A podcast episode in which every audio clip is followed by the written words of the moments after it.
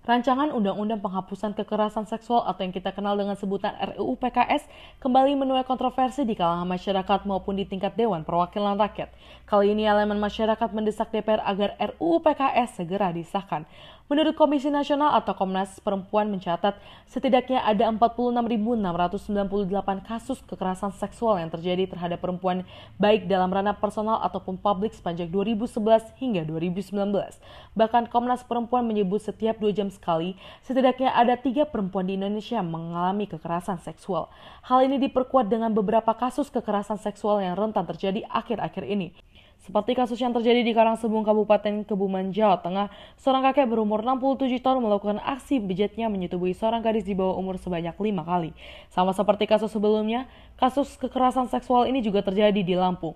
Bocah yang masih berumur 13 tahun malah menjadi korban pencabulan oleh petugas Pusat Pelayanan Terpadu Pemberdayaan Perempuan dan Anak saat diminta perlindungan atas peristiwa pemerkosaan yang sebelumnya juga ia alami. Kasus selanjutnya juga terjadi di kawasan Sunter, Jakarta yang menjadi sorotan dan viral di media sosial, di mana kedua tersangka mantan barista dari kedai kopi melakukan aksi pelecehan seksual dengan mengintip bagian tubuh pelanggan dari kamera pemantau CCTV. Dari kasus tersebut, banyak pihak yang menganggap kehadiran RUU PKS inilah yang dapat mengakomodir hak korban yang tentu mutlak dibutuhkan sebagai payung hukum. Namun sebaliknya, Wakil Ketua Komisi 8 Marwanda Sopang justru mengeluarkan surat penarikan RUU PKS dari daftar program legislasi nasional atau prolegnas prioritas tahun ini. Jadi, apakah yang menyebabkan DPR mengeluarkan RUU PKS dari prolegnas prioritas?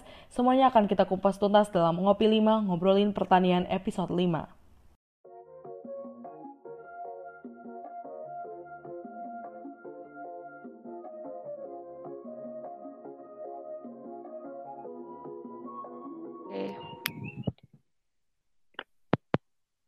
Halo mau pertanian semua yang mendengarkan podcast ini. Kembali lagi nih ngopi ngobrolin pertanian episode 5. Nah, sebelumnya kenalin, aku Brenda Titiana Naibaho dari staf Kastar BEM FPUB 2020. Di sini aku selaku podcaster yang bakal nemani kalian buat ngobrolin isu terhangat yang lagi ramai banget dibicarakan di masyarakat. Yap, bener banget. Kita bakal ngobrolin tentang rancangan undang-undang penghapusan kekerasan seksual. Tapi buat ngomongin topik ini, aku yang pastinya nggak bakal sendirian. Aku ditemenin sama narasumber kita yang cantik dari unit pemberdayaan perempuan progresif P3EM. Siapa dia? Penasaran kan? Langsung aja kita sambut ini dia, Mbak Karin. Halo Mbak Karin. Halo semuanya. Iya, oke okay, Mbak Karin boleh kenalin dirinya dulu ya Mbak ya. Oke, uh, halo semuanya. Perkenalkan aku Karina Damayanti. Uh, teman-teman bisa panggil aku Karin. Uh, aku dari FKG UB angkatan 2017 dan aku saat ini menjadi bagian dari pemberdayaan perempuan progresif eksekutif mahasiswa Universitas Brawijaya atau biasa disingkat sebagai P3EMUB gitu. Oke, makasih Mbak Karin buat perkenalannya. Oh ya Mbak, aku mau nanya dulu nih, gimana sih perasaan atau kabar Mbak apa selama di karantina kurang lebih lima bulan gitu Mbak? Uh, kabarnya alhamdulillah sih masih sehat-sehat aja, masih baik-baik aja gitu. Oh iya Mbak, aku mau kenal lebih dekat dong sama P3EM. Mungkin para pendengar podcast kita juga masih bertanya-tanya apa sih itu Mbak P3EM? Uh, sebuah unit di bawah Kemenkoan Pergerakan gitu. Jadi uh, di Kemenkoan Pergerakan ini ada unit P3. Nah, unit P3 ini dia tuh bergerak di bidang kajian, pemberdayaan dan juga advokasi terhadap isu-isu keperempuanan dan gender gitu. Jadi fokus kita ke isu-isu perempuan dan gender seperti itu. Hmm, untuk unit P3M ini sendiri tuh udah berjalan berapa lama gitu ya Mbak? Atau mungkin dia baru berjalan tahun-tahun ini atau gimana Mbak? Nah, kalau untuk P3 sendiri kebetulan ini baru ya, maksudnya baru ada di tahun ini gitu. Hmm. Uh, tahun sebelumnya ada sih uh, Forum Perempuan Brawijaya, tapi itu itu masuk ke prokernya PSDM gitu. Jadi ada di bawah PSDM, bukan di bawah pergerakan gitu. Nah, waktu penyusunan proker juga, waktu aku di awal periode itu juga udah uh, apa ya, udah ketemu sama Menteri PSDM tahun lalu dan udah banyak ngobrolin gitu, ngobrolin ter terkait evaluasi Forum Perempuan Brawijaya tahun kemarin untuk diperbaiki di tahun ini dan jadilah uh, proker-proker kita gitu yang mungkin nanti bakalan kita bahas juga dikit-dikit gitu. Hmm, Uh, kan di setiap kita memberikan sebuah nama gitu ya Mbak ya, pasti ada artinya nih Mbak. Nah, aku pengen nanya Mbak, kenapa sih memilih nama unit pemberdayaan perempuan progresif gitu Mbak? Um, sebenarnya yang milih nama bukan dari aku ya, sebenarnya itu kan hmm. udah dari uh, presiden dan wapresnya dari Kak Farhan sama Irma gitu kan. Mungkin kenapa dipilih nama pemberdayaan perempuan progresif karena sebenarnya fokusnya kita itu ke pemberdayaan. Jadi pemberdayaan di sini itu adalah upaya-upaya kita untuk uh, kita hadir untuk uh, memberdayakan perempuan-perempuan Brawijaya supaya lebih progresif gitu dalam artian uh, progresif itu berprogres dan terus bergerak maju kayak gitu sih. Uh, di setiap organisasi itu ya kak ya pasti mm -hmm. ada tujuan yang pengen kita capai itu kak. Nah untuk tercapainya sebuah tujuan itu pasti ada yang namanya program kerja tuh kak. Kalau dari mm -hmm. P3M sendiri tuh kak program kerja apa aja sih yang udah terlaksana? Uh, mungkin aku jelasin dari ininya dulu kali ya dari uh, struktur di dalam P3 dulu biar nanti program kerjanya jelas gitu ya. Oh boleh boleh banget kok kak. Nah, jadi kan kayak yang udah aku jelasin tadi, arah gerak dari P3 itu ada di kajian, pemberdayaan, dan juga advokasi. Nah, makanya di dalam P3 itu juga dibagi jadi tiga divisi. Tuh, yang pertama ada divisi kajian. Uh, kalau untuk proker dari divisi kajian ya ya pasti kajian gitu ya bikin kajian terbuka diskusi gitu terkait isu-isu perempuan. Ada juga uh, semacam beda buku terus juga peringatan hari-hari besar tentang perempuan. Jadi kita bikin semacam infografis atau uh, pencerdasan gitu terkait hari-hari besar keperempuanan kayak gitu. Terus juga yang kedua itu ada divisi pengembangan dan pemberdayaan.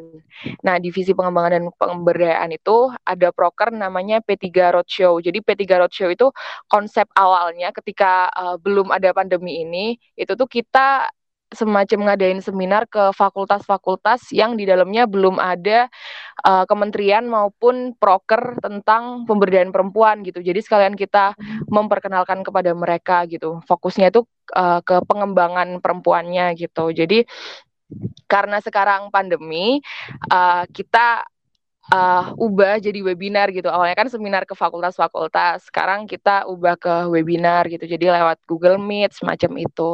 Dan uh, kemarin kita baru aja ngadain terkait personal branding dan juga uh, selain ada P3 Roadshow itu kita juga ada postingan-postingan pencerdasan semacam tips and trick gitu. Itu ada di IGTV, eh kita kemas dalam bentuk IGTV dan juga podcast sama kayak gini. Dan juga uh, ada uh, seminar nasional dari unit P3 itu di bawah uh, divisi pengembangan dan pemberdayaan yang insya Allah bakalan uh, acaranya bakalan diadain di akhir bulan November gitu. Nah, sama yang terakhir ada divisi advokasi. Nah, advokasi ini tuh lebih ke advokasi mengenai masalah-masalah atau isu-isu perempuan seperti contohnya kekerasan seksual gitu.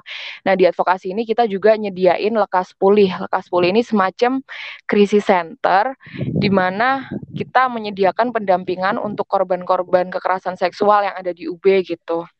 Terus juga kita uh, sekarang lagi nyusun policy brief uh, untuk pencegahan kekerasan seksual di UB gitu. Kita juga ada kerjasama sama lembaga-lembaga lain seperti Girl Up Brawijaya, Women Up Brawijaya, Women Up FIB Brawijaya sama Kastrat BMFH gitu sih kalau untuk proker.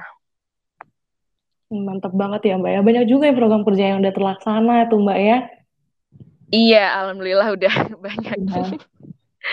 Oh iya, BTW nih Mbak, uh, bicara soal program kerja. Kemarin itu, uh, kan kalau misalkan dalam pandemi ini, bakal diadain webinar gitu kan Mbak ya? Mm. Uh, diganti webinar semua. Nah kalau nggak salah, itu P3EM kemarin ngadain diskusi daring ya Mbak ya, mengenai isu yang bakal kita bahas di topik di podcast kali ini. Bener nggak sih Mbak? Iya, ha benar. Iya, kalau nggak salah, uh, diadain sebanyak dua kali tuh. Mm dua kali. Duh, tapi sayangnya aku nggak bisa datang, maaf banget ya Mbak ya. Aduh, apa? Keren banget tuh topiknya pasti uh, good banget gitu pokoknya. Nah, aku pengen nanya-nanya nih soal diskusi kemarin. Gimana sih antusias dari para peserta yang mengikuti diskusi daring tersebut, Mbak? Uh, jadi kita kan kemarin kan bikin diskusinya kan dua kali ya terkait RUU PKS kan ini ya maksudnya. Iya, iya benar-benar. ya kita bikin dua kali. Kenapa? Karena kita ingin pertama kita ingin mengupas dari segi pro dan kontra gitu. Kita pengen memfasilitasi mahasiswa melalui diskusi, diskusi akademik dan juga sebagai landasan dari pernyataan sikap P3 sendiri menyikapi RUU PKS seperti apa gitu. Makanya dibuat jadi dua volume gitu. Nah, yang pertama itu kita undang uh, Mbak Mira dari Aliansi Cerahkan Negeri itu sebagai posisi Aliansi Cerahkan Negeri itu sebagai uh, pihak yang kontra dengan RUU PKS gitu. Nah, yang kedua kita undang uh, Komnas Perempuan, uh, Bu Maria dari Komnas Perempuan dan juga Kak Laili selaku akademisi teologi dan gender gitu. Itu dari kita mengupas dari sisi pronya kayak gitu.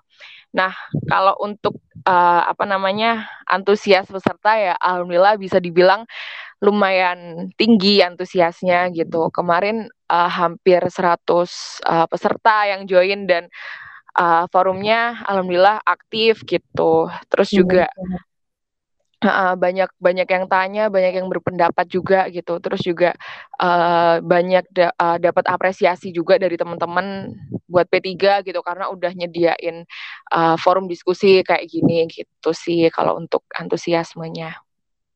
Ya banyak banget ya Mbak ya pesertanya sampai 100 gitu. Bener-bener antusias banget gitu mah. Gak sampai 100 sih tapi hampir kayak sekitar 70-80an lah tapi ya lumayan sih menurutku. Iya, gitu. Dari diskusi tersebut ya Mbak berarti udah kelihatan banget ya Mbak uh, para peserta ini mendukung uh, agar RUPKS ini segera disahkan ya Mbak ya. Uh, sebenarnya macem-macem sih banyak hmm. pandangan juga kemarin ah, nggak bisa kita apa ya kita tentukan oh peserta ini banyak yang mendukung atau oh peserta ini ternyata banyak yang menolak gitu karena emang hmm. banyak pandangan yang masuk gitu sih. Ini ya mbak ya. Um, hmm. Bicara soal RPKS nih mbak, aku mau tahu dong gimana uh, dari pandangan mbak um, apa sih RUPKS itu mbak? Uh, jadi secara definisi mungkin ya RUPKS okay. itu suatu RUPKS itu rancangan undang-undang penghapusan kekerasan seksual yaitu suatu rancangan undang-undang yang dibuat dengan maksud dan harapan untuk uh, menciptakan payung hukum yang pro terhadap korban kekerasan seksual gitu dan uh, harapannya juga bisa mencegah uh, terjadinya kekerasan seksual di Indonesia gitu. Nah, jadi di dalam RUU PKS sendiri dalam rancangan ini sendiri tuh dia tuh mengatur sembilan bentuk kekerasan seksual. Yaitu ada pelecehan seksual, ada eksploitasi seksual, pemaksaan kontrasepsi, pemaksaan aborsi, perkosaan, pemaksaan perkawinan, pemaksaan pelacuran, uh, perbudakan seksual dan juga penyiksaan seksual gitu. Nah, nggak hanya nggak cuman ngatur itu doang sih sebenarnya RUU PKS ini juga banyak mengatur tentang proses pengadilan kekerasan seksual gitu dan juga uh, dia tuh memandu proses pemulihan korban seksual. Jadi uh, memang secara garis besar dia juga fokus ke gimana sih pemulihan korban kekerasan seksual gitu, nggak hanya fokus ke pemidanaan pelakunya kayak gitu.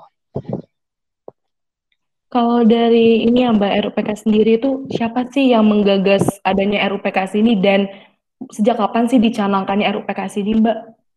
Hmm, jadi uh, yang menggagas pertama itu dari Komnas Perempuan.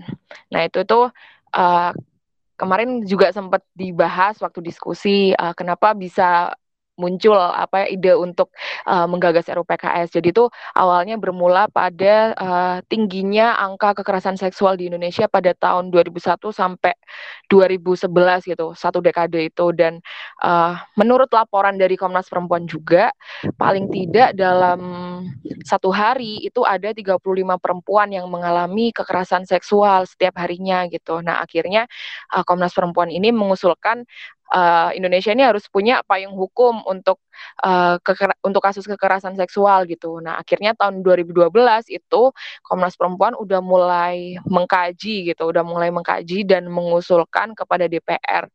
Tapi ya gitu nunggunya tuh lama gitu sampai tiga tahun akhirnya uh, sampai akhirnya RUU PKS itu bisa masuk ke dalam program legislasi nasional atau prolegnas gitu cukup lama juga ya Mbak ya baru mulai disahkan begitu ya Mbak ya. Dan itu pun iya. masih sempat menimbulkan pro dan kontra ya Mbak ya. Iya, emang apa ya kalau kita ngomongin RUU PKS pasti nggak jauh-jauh, pasti bakalan ada perdebatan terkait pro dan kontranya gitu. Mm, benar banget. Dan apalagi saat-saat ini ya Mbak ya, uh, keberadaan dari RUU PKS ini tuh sempat menimbulkan pro dan kontra gitu Mbak di lapisan masyarakat. Nah kalau boleh tahu alasannya itu apa ya Mbak yang uh, jadi adanya Perdebat. apa ya, iya perselisihan lah gitu Mbak istilahnya. Jadi emang benar ya RUU PKS ini selalu berujung pada perdebatan pro dan kontra karena ya itu tadi ada beberapa pandangan yang masuk gitu. Pihak kontra misalnya uh, mengatakan bahwa RUU PKS ini dinilai terlalu liberal dan melenceng gitu terkait uh, terutama terkait norma-norma agama dan mereka juga berpendapat uh, bahwasannya uh, ada beberapa frasa, frasa dalam RUU PKS ini yang dirasa memiliki makna ganda atau multitafsir gitu dan kemudian uh, banyak yang disalahartikan sama pihak kontra kayak gitu. Jadi seolah-olah ada miskonsepsi gitu.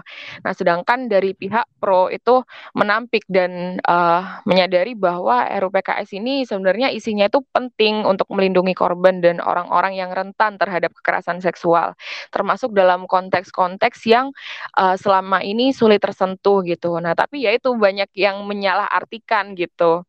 Uh, seperti contohnya penyimpangan seksual gitu kan di RUPKS kan tidak diatur.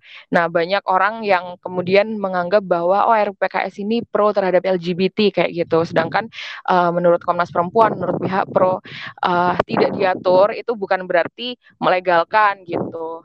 Kayak uh, ada salah satu statement dari oh ya RUPKS ini kan juga uh, mengatur tentang uh, pemaksaan perkosaan dalam rumah tangga gitu ya pemaksaan untuk berhubungan gitu meskipun itu suami istri. Nah ada dari pihak kontra itu ada statement dari ketua Ayla Ibu Rita Subagio kalau nggak salah itu kan selama ini kan mereka kan terang-terangan menolak RUU PKS dan beliau juga mengatakan bahwa hukum itu berhenti di depan pintu kamar atau di rumah gitu. Jadi nggak bisa masuk ke dalam itu gitu loh, harus berhenti di depan pintu kamar. Nggak bisa hukum RUPKS ini kemudian mengatur yang ada di dalam kamar gitu. Nah, sedangkan da dari pihak pro itu berpendapat bahwa hukum itu justru seharusnya berupaya untuk mendobrak pintu apa apabila di dalamnya ada yang minta pertolongan gitu. Masyarakat itu juga memiliki peran untuk membunyikan tanda bahaya yang tentunya tidak melalui persekusi. Mungkin nanti uh, untuk lebih lengkapnya ya terkait uh, pro dan kontra bisa dibaca di press release-nya dan hasil kajian diskusi P3 ada nanti di post di IG P3 dan di IGM juga gitu. Oh iya bener banget tuh Mbak, kan kehadiran RUU PKS ini sendiri kan yang mengakomodir hak korban ya Mbak ya, yang sangat dibutuhkan sebagai payung hukum. Tapi uh, apa sih alasan DPR itu mengeluarkan uh, RUU PKS ini dari uh, prolegnas begitu Mbak? Nah, ini yang lucu ya, karena yeah. apa ya? Mereka kan bilangnya uh, sulit gitu ya pembahasannya sulit, substansinya sulit gitu. Dari judul aja uh, masih banyak perdebatan gitu loh, mau memakai uh, diksi kekerasan atau kejahatan kayak gitu. Terus juga ruang lingkup semacam itulah yang menurut mereka uh, istilahnya substansi substansinya sulit gitu dan uh, katanya katanya ya ini uh, kata mereka itu uh, saat ini Komisi 8 sendiri itu lagi fokus pada RUU penanggulangan bencana mengingat sekarang kan uh, kondisinya lagi pandemi gitu kan.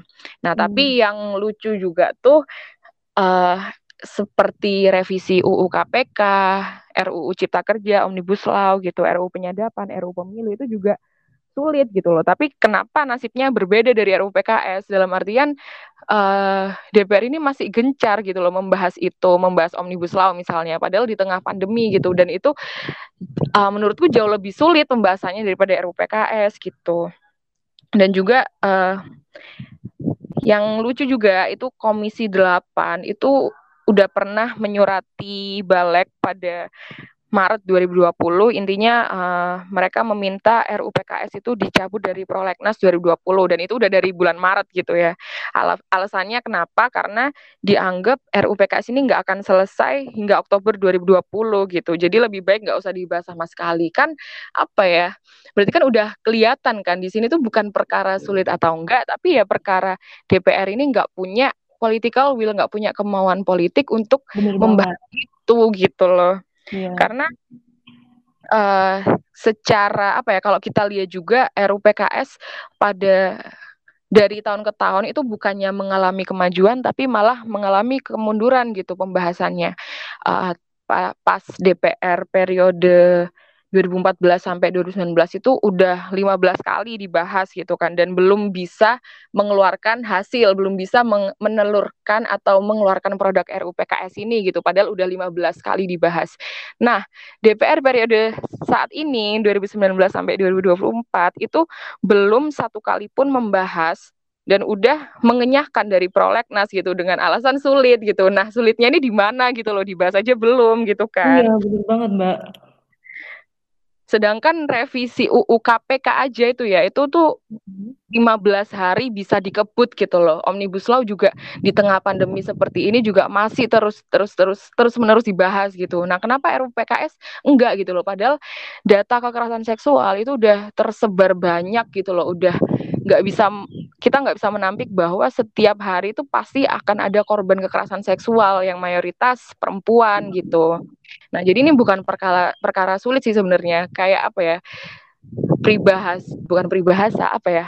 Nasihat zaman SD lah, zaman SD kan kita sering dibilang uh, sesuatu yang sulit itu nggak akan menjadi sulit kalau dikerjain gitu. Nah, Contohnya iya benar banget kayak PR sekolah gitu ya. Ya kalau nggak dikerjain ya bakalan numpuk dan itu yang menjadi sulit gitu loh. Jadi kunci utamanya adalah kemauan gitu sih. Dan aku rasa DPR belum punya itu, belum punya political will untuk memberikan keadilan bagi korban kayak gitu sih. Iya, jadi hal-hal sulit itu uh, gimana ya? Jadi semakin sulit tiba DPR begitu ya, Mbak ya? ya iya, kalau kalau nggak segera dibahas gitu ya akan sulit hmm. terus menerus gitu. Iya, padahal Bi ya bisa aja langsung dibahas gitu. Emang apa sih yang bikin sulit dari DPR begitu?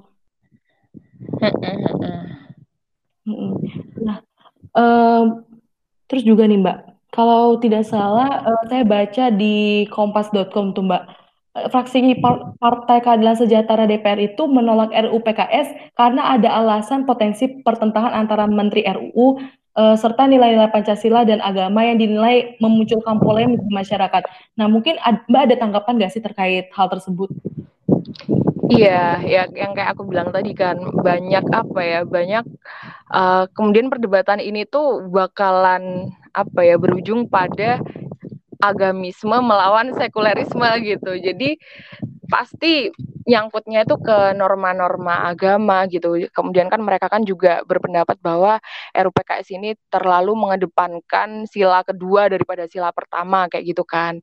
Nah, menurut aku sih ya, menurut aku sebagai mahasiswa gitu, sebagai akademisi, kenapa enggak kemudian uh, apa ya alasan-alasan atau pertimbangan-pertimbangan seperti itu didiskusikan gitu loh di DPR kan uh, mereka kan juga ada rapat dengar pendapat umum. Kenapa nggak disampaikan, didiskusikan apa ya istilahnya benar-benar difokuskan gitu kalau emang dirasa ada beberapa pasal yang multitafsir atau uh, mempunyai makna ganda yaitu segera apa ya, istilahnya kayak dirembukan gitu loh.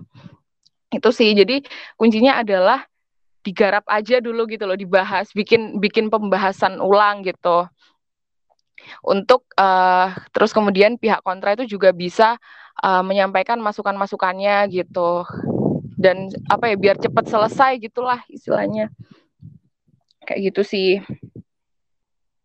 Uh, kalau saya mau minta pendapat dari Mbak nih. Nah kalau Mbak sendiri udah menilai gimana ya kebijakan pemerintah saat ini tuh udah memenuhi hak hak para korban atau penyintas tindak kekerasan seksual nggak sih? Dan apakah kebijakan dari pemerintah ini tuh udah berjalan sesuai dengan keinginan masyarakat atau dengan semana mestinya gitu, Mbak? Hmm, kalau kebijakan saat ini ya, uh, menurutku selama ini tuh belum ada payung hukum yang secara konkret dan jelas mengatur terkait upaya-upaya preventif, kuratif, dan rehabilitatif uh, terkait kasus kekerasan seksual di Indonesia gitu uh, terkait uh, kekerasan seksual itu emang sebelumnya udah diatur dalam KUHP. Namun uh, pengaturan dalam KUHP itu tuh uh, masih sangat terbatas gitu dan garis besarnya secara garis besar tuh hanya mengatur tentang perkosaan dan pencabulan gitu dan ini pun di dalam KUHP itu menetapkan lima, lima kalau nggak salah lima alat bukti yang itu juga menyulitkan korban dalam memenuhi syarat pembuktian gitu.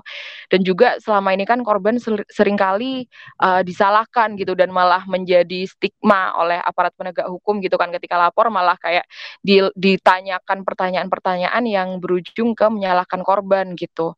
Akhirnya korban juga pasti akan mengalami trauma yang berpola atau berulang gitu pada saat uh, proses peradilan gitu kan korban juga kerap kali uh, dilaporkan kembali sebagai pelaku kayak kasusnya baik ada tuh uh, dia tuh mengalami kekerasan seksual tapi malah dia yang dijerat pasal UU ITE gitu malah dia yang dijadikan pelaku gitu.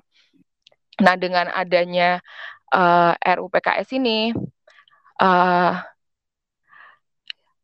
akan me mengakomodir gitu hal-hal uh, yang tidak yang tidak diatur dalam KUHP gitu. Setidaknya ada terdapat uh, setidaknya itu terdapat keunggulan dari sisi acara pidana gitu dalam uh, dalam lingkup misal alat bukti, terus juga mengatur sikap aparat penegak hukum, pemulihan, larangan mengkriminalisasi mengkriminalkan korban dan juga uh, yang penting yaitu pendampingan untuk korban gitu.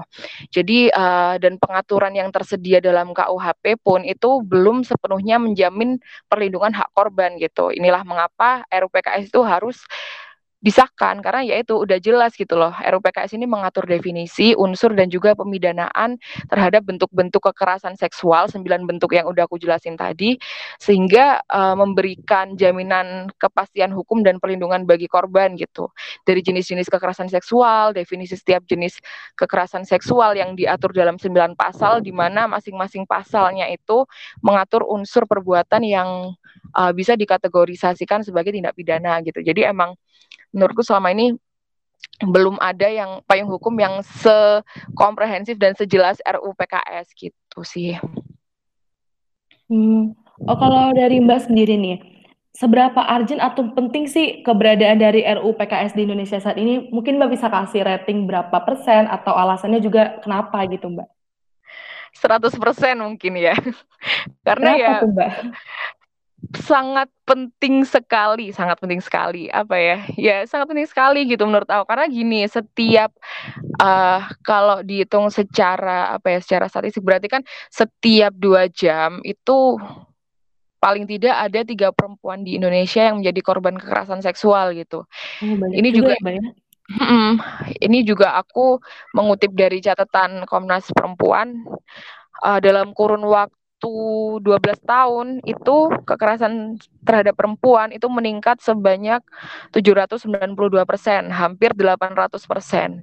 Artinya kekerasan terhadap perempuan di Indonesia itu selama 12 tahun meningkat hampir 8 kali lipat itu pun baru yang lapor ya belum belum lagi orang-orang yang nggak berani lapor gitu. Intinya karena belum ada payung hukum yang khusus menangani persoalan korban kekerasan seksual negara ini perlu hadir gitu mengingat minimnya akses perlindungan bagi korban kekerasan seksual. Dan itu juga uh, bisa sebagai bentuk tanggung jawab negara terhadap korban terhadap warga negaranya yang harus dilindungi gitu. Jadi ya emang penting banget sih menurutku Hmm, iya bener banget ya, penting banget ya, Mbak. Apalagi kasus-kasus yang lagi viral ini kayak, uh, seperti korban siswi umur 14 tahun yang di Lampung itu, Mbak. Dia dilecehkan Nah. oleh seorang pelaku, terus dia dibawa ke rumah aman tuh, Mbak. Tapi dia di dicabulin It lagi sama si kan kurang itu, itu. pelaku. Itu memang kurang ajar banget, Mbak. Nah, kalau menurut Mbak sendiri nih, Mbak, gimana sih tanggapan Mbak terkait kasus tersebut gitu, Mbak? Apa ya, itu nggak manusiawi banget sih, maksudnya dia kan ditaruh di rumah aman di tempat aman ya harapannya biar dipulihkan gitu kan tapi ternyata iya. di sana malah terjadi pelecehan seksual berulang gitu dan itu hmm, sangat banget. ngaruh banget ke mental karena orang ketika udah diperkosa itu udah seluruh hidupnya seluruh harga dirinya sel seluruh apa yang dia miliki itu ya hancur seolah-olah itu tuh kayak hancur gitu loh dan hmm. itu kasihan gitu apalagi dia kan masih di bawah umur kan hmm. gitu dan selama ini juga uh, terutama kampus ya. Kampus itu uh, banyak kasus sebenarnya banyak kasus-kasus kekerasan seksual yang mungkin nggak terlihat gitu.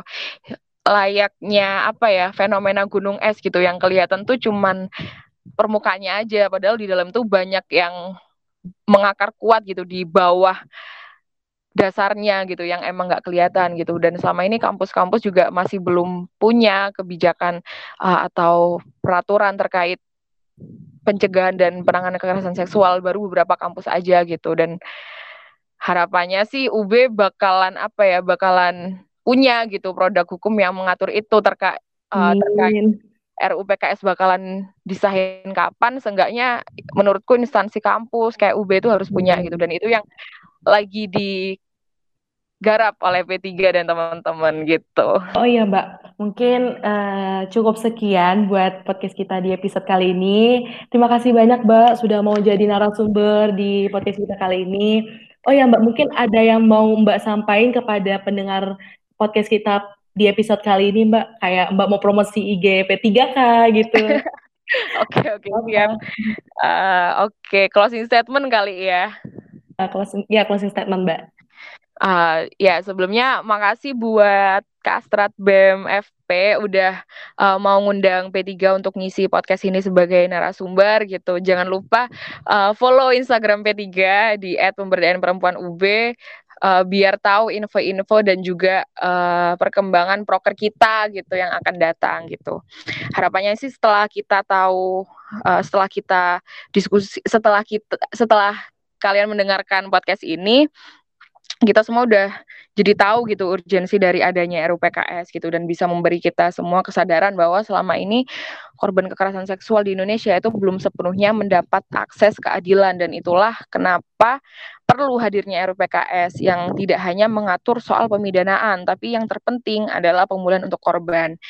Uh, mari teman-teman kita kawal terus RUPKS ini mulai dari pembahasan hingga nantinya disahkan menjadi undang-undang gitu. Karena apalah artinya kita berdebat terus mengen menerus mengenai pro dan kontra, sedangkan di luar sana selagi kita berdebat, selagi kita menyalahkan RUPKS, itu tiga perempuan di Indonesia itu menjadi korban gitu setiap jam, setiap dua jamnya. Berilah solusi konkret dan dukungan penuh terhadap pengesahan RUPKS dengan cara ya kita harus punya perspektif keadilan untuk korban gitu. Terakhir dari saya, hidup korban, jangan diam, lawan. Terima kasih. Ya, terima kasih Mbak Karin. Sekali lagi makasih banyak ya Mbak. Oke, sama-sama semangat ya. terus ya FP. Ya, semangat juga buat P3. Semangat terus, semoga program kerjanya terlaksana. Oke, amin. Ya, itu dia teman-teman semuanya untuk podcast kita di episode kali ini. Sampai jumpa di episode di podcast episode selanjutnya. See you. See you. Sampai jumpa semuanya. Sampai jumpa.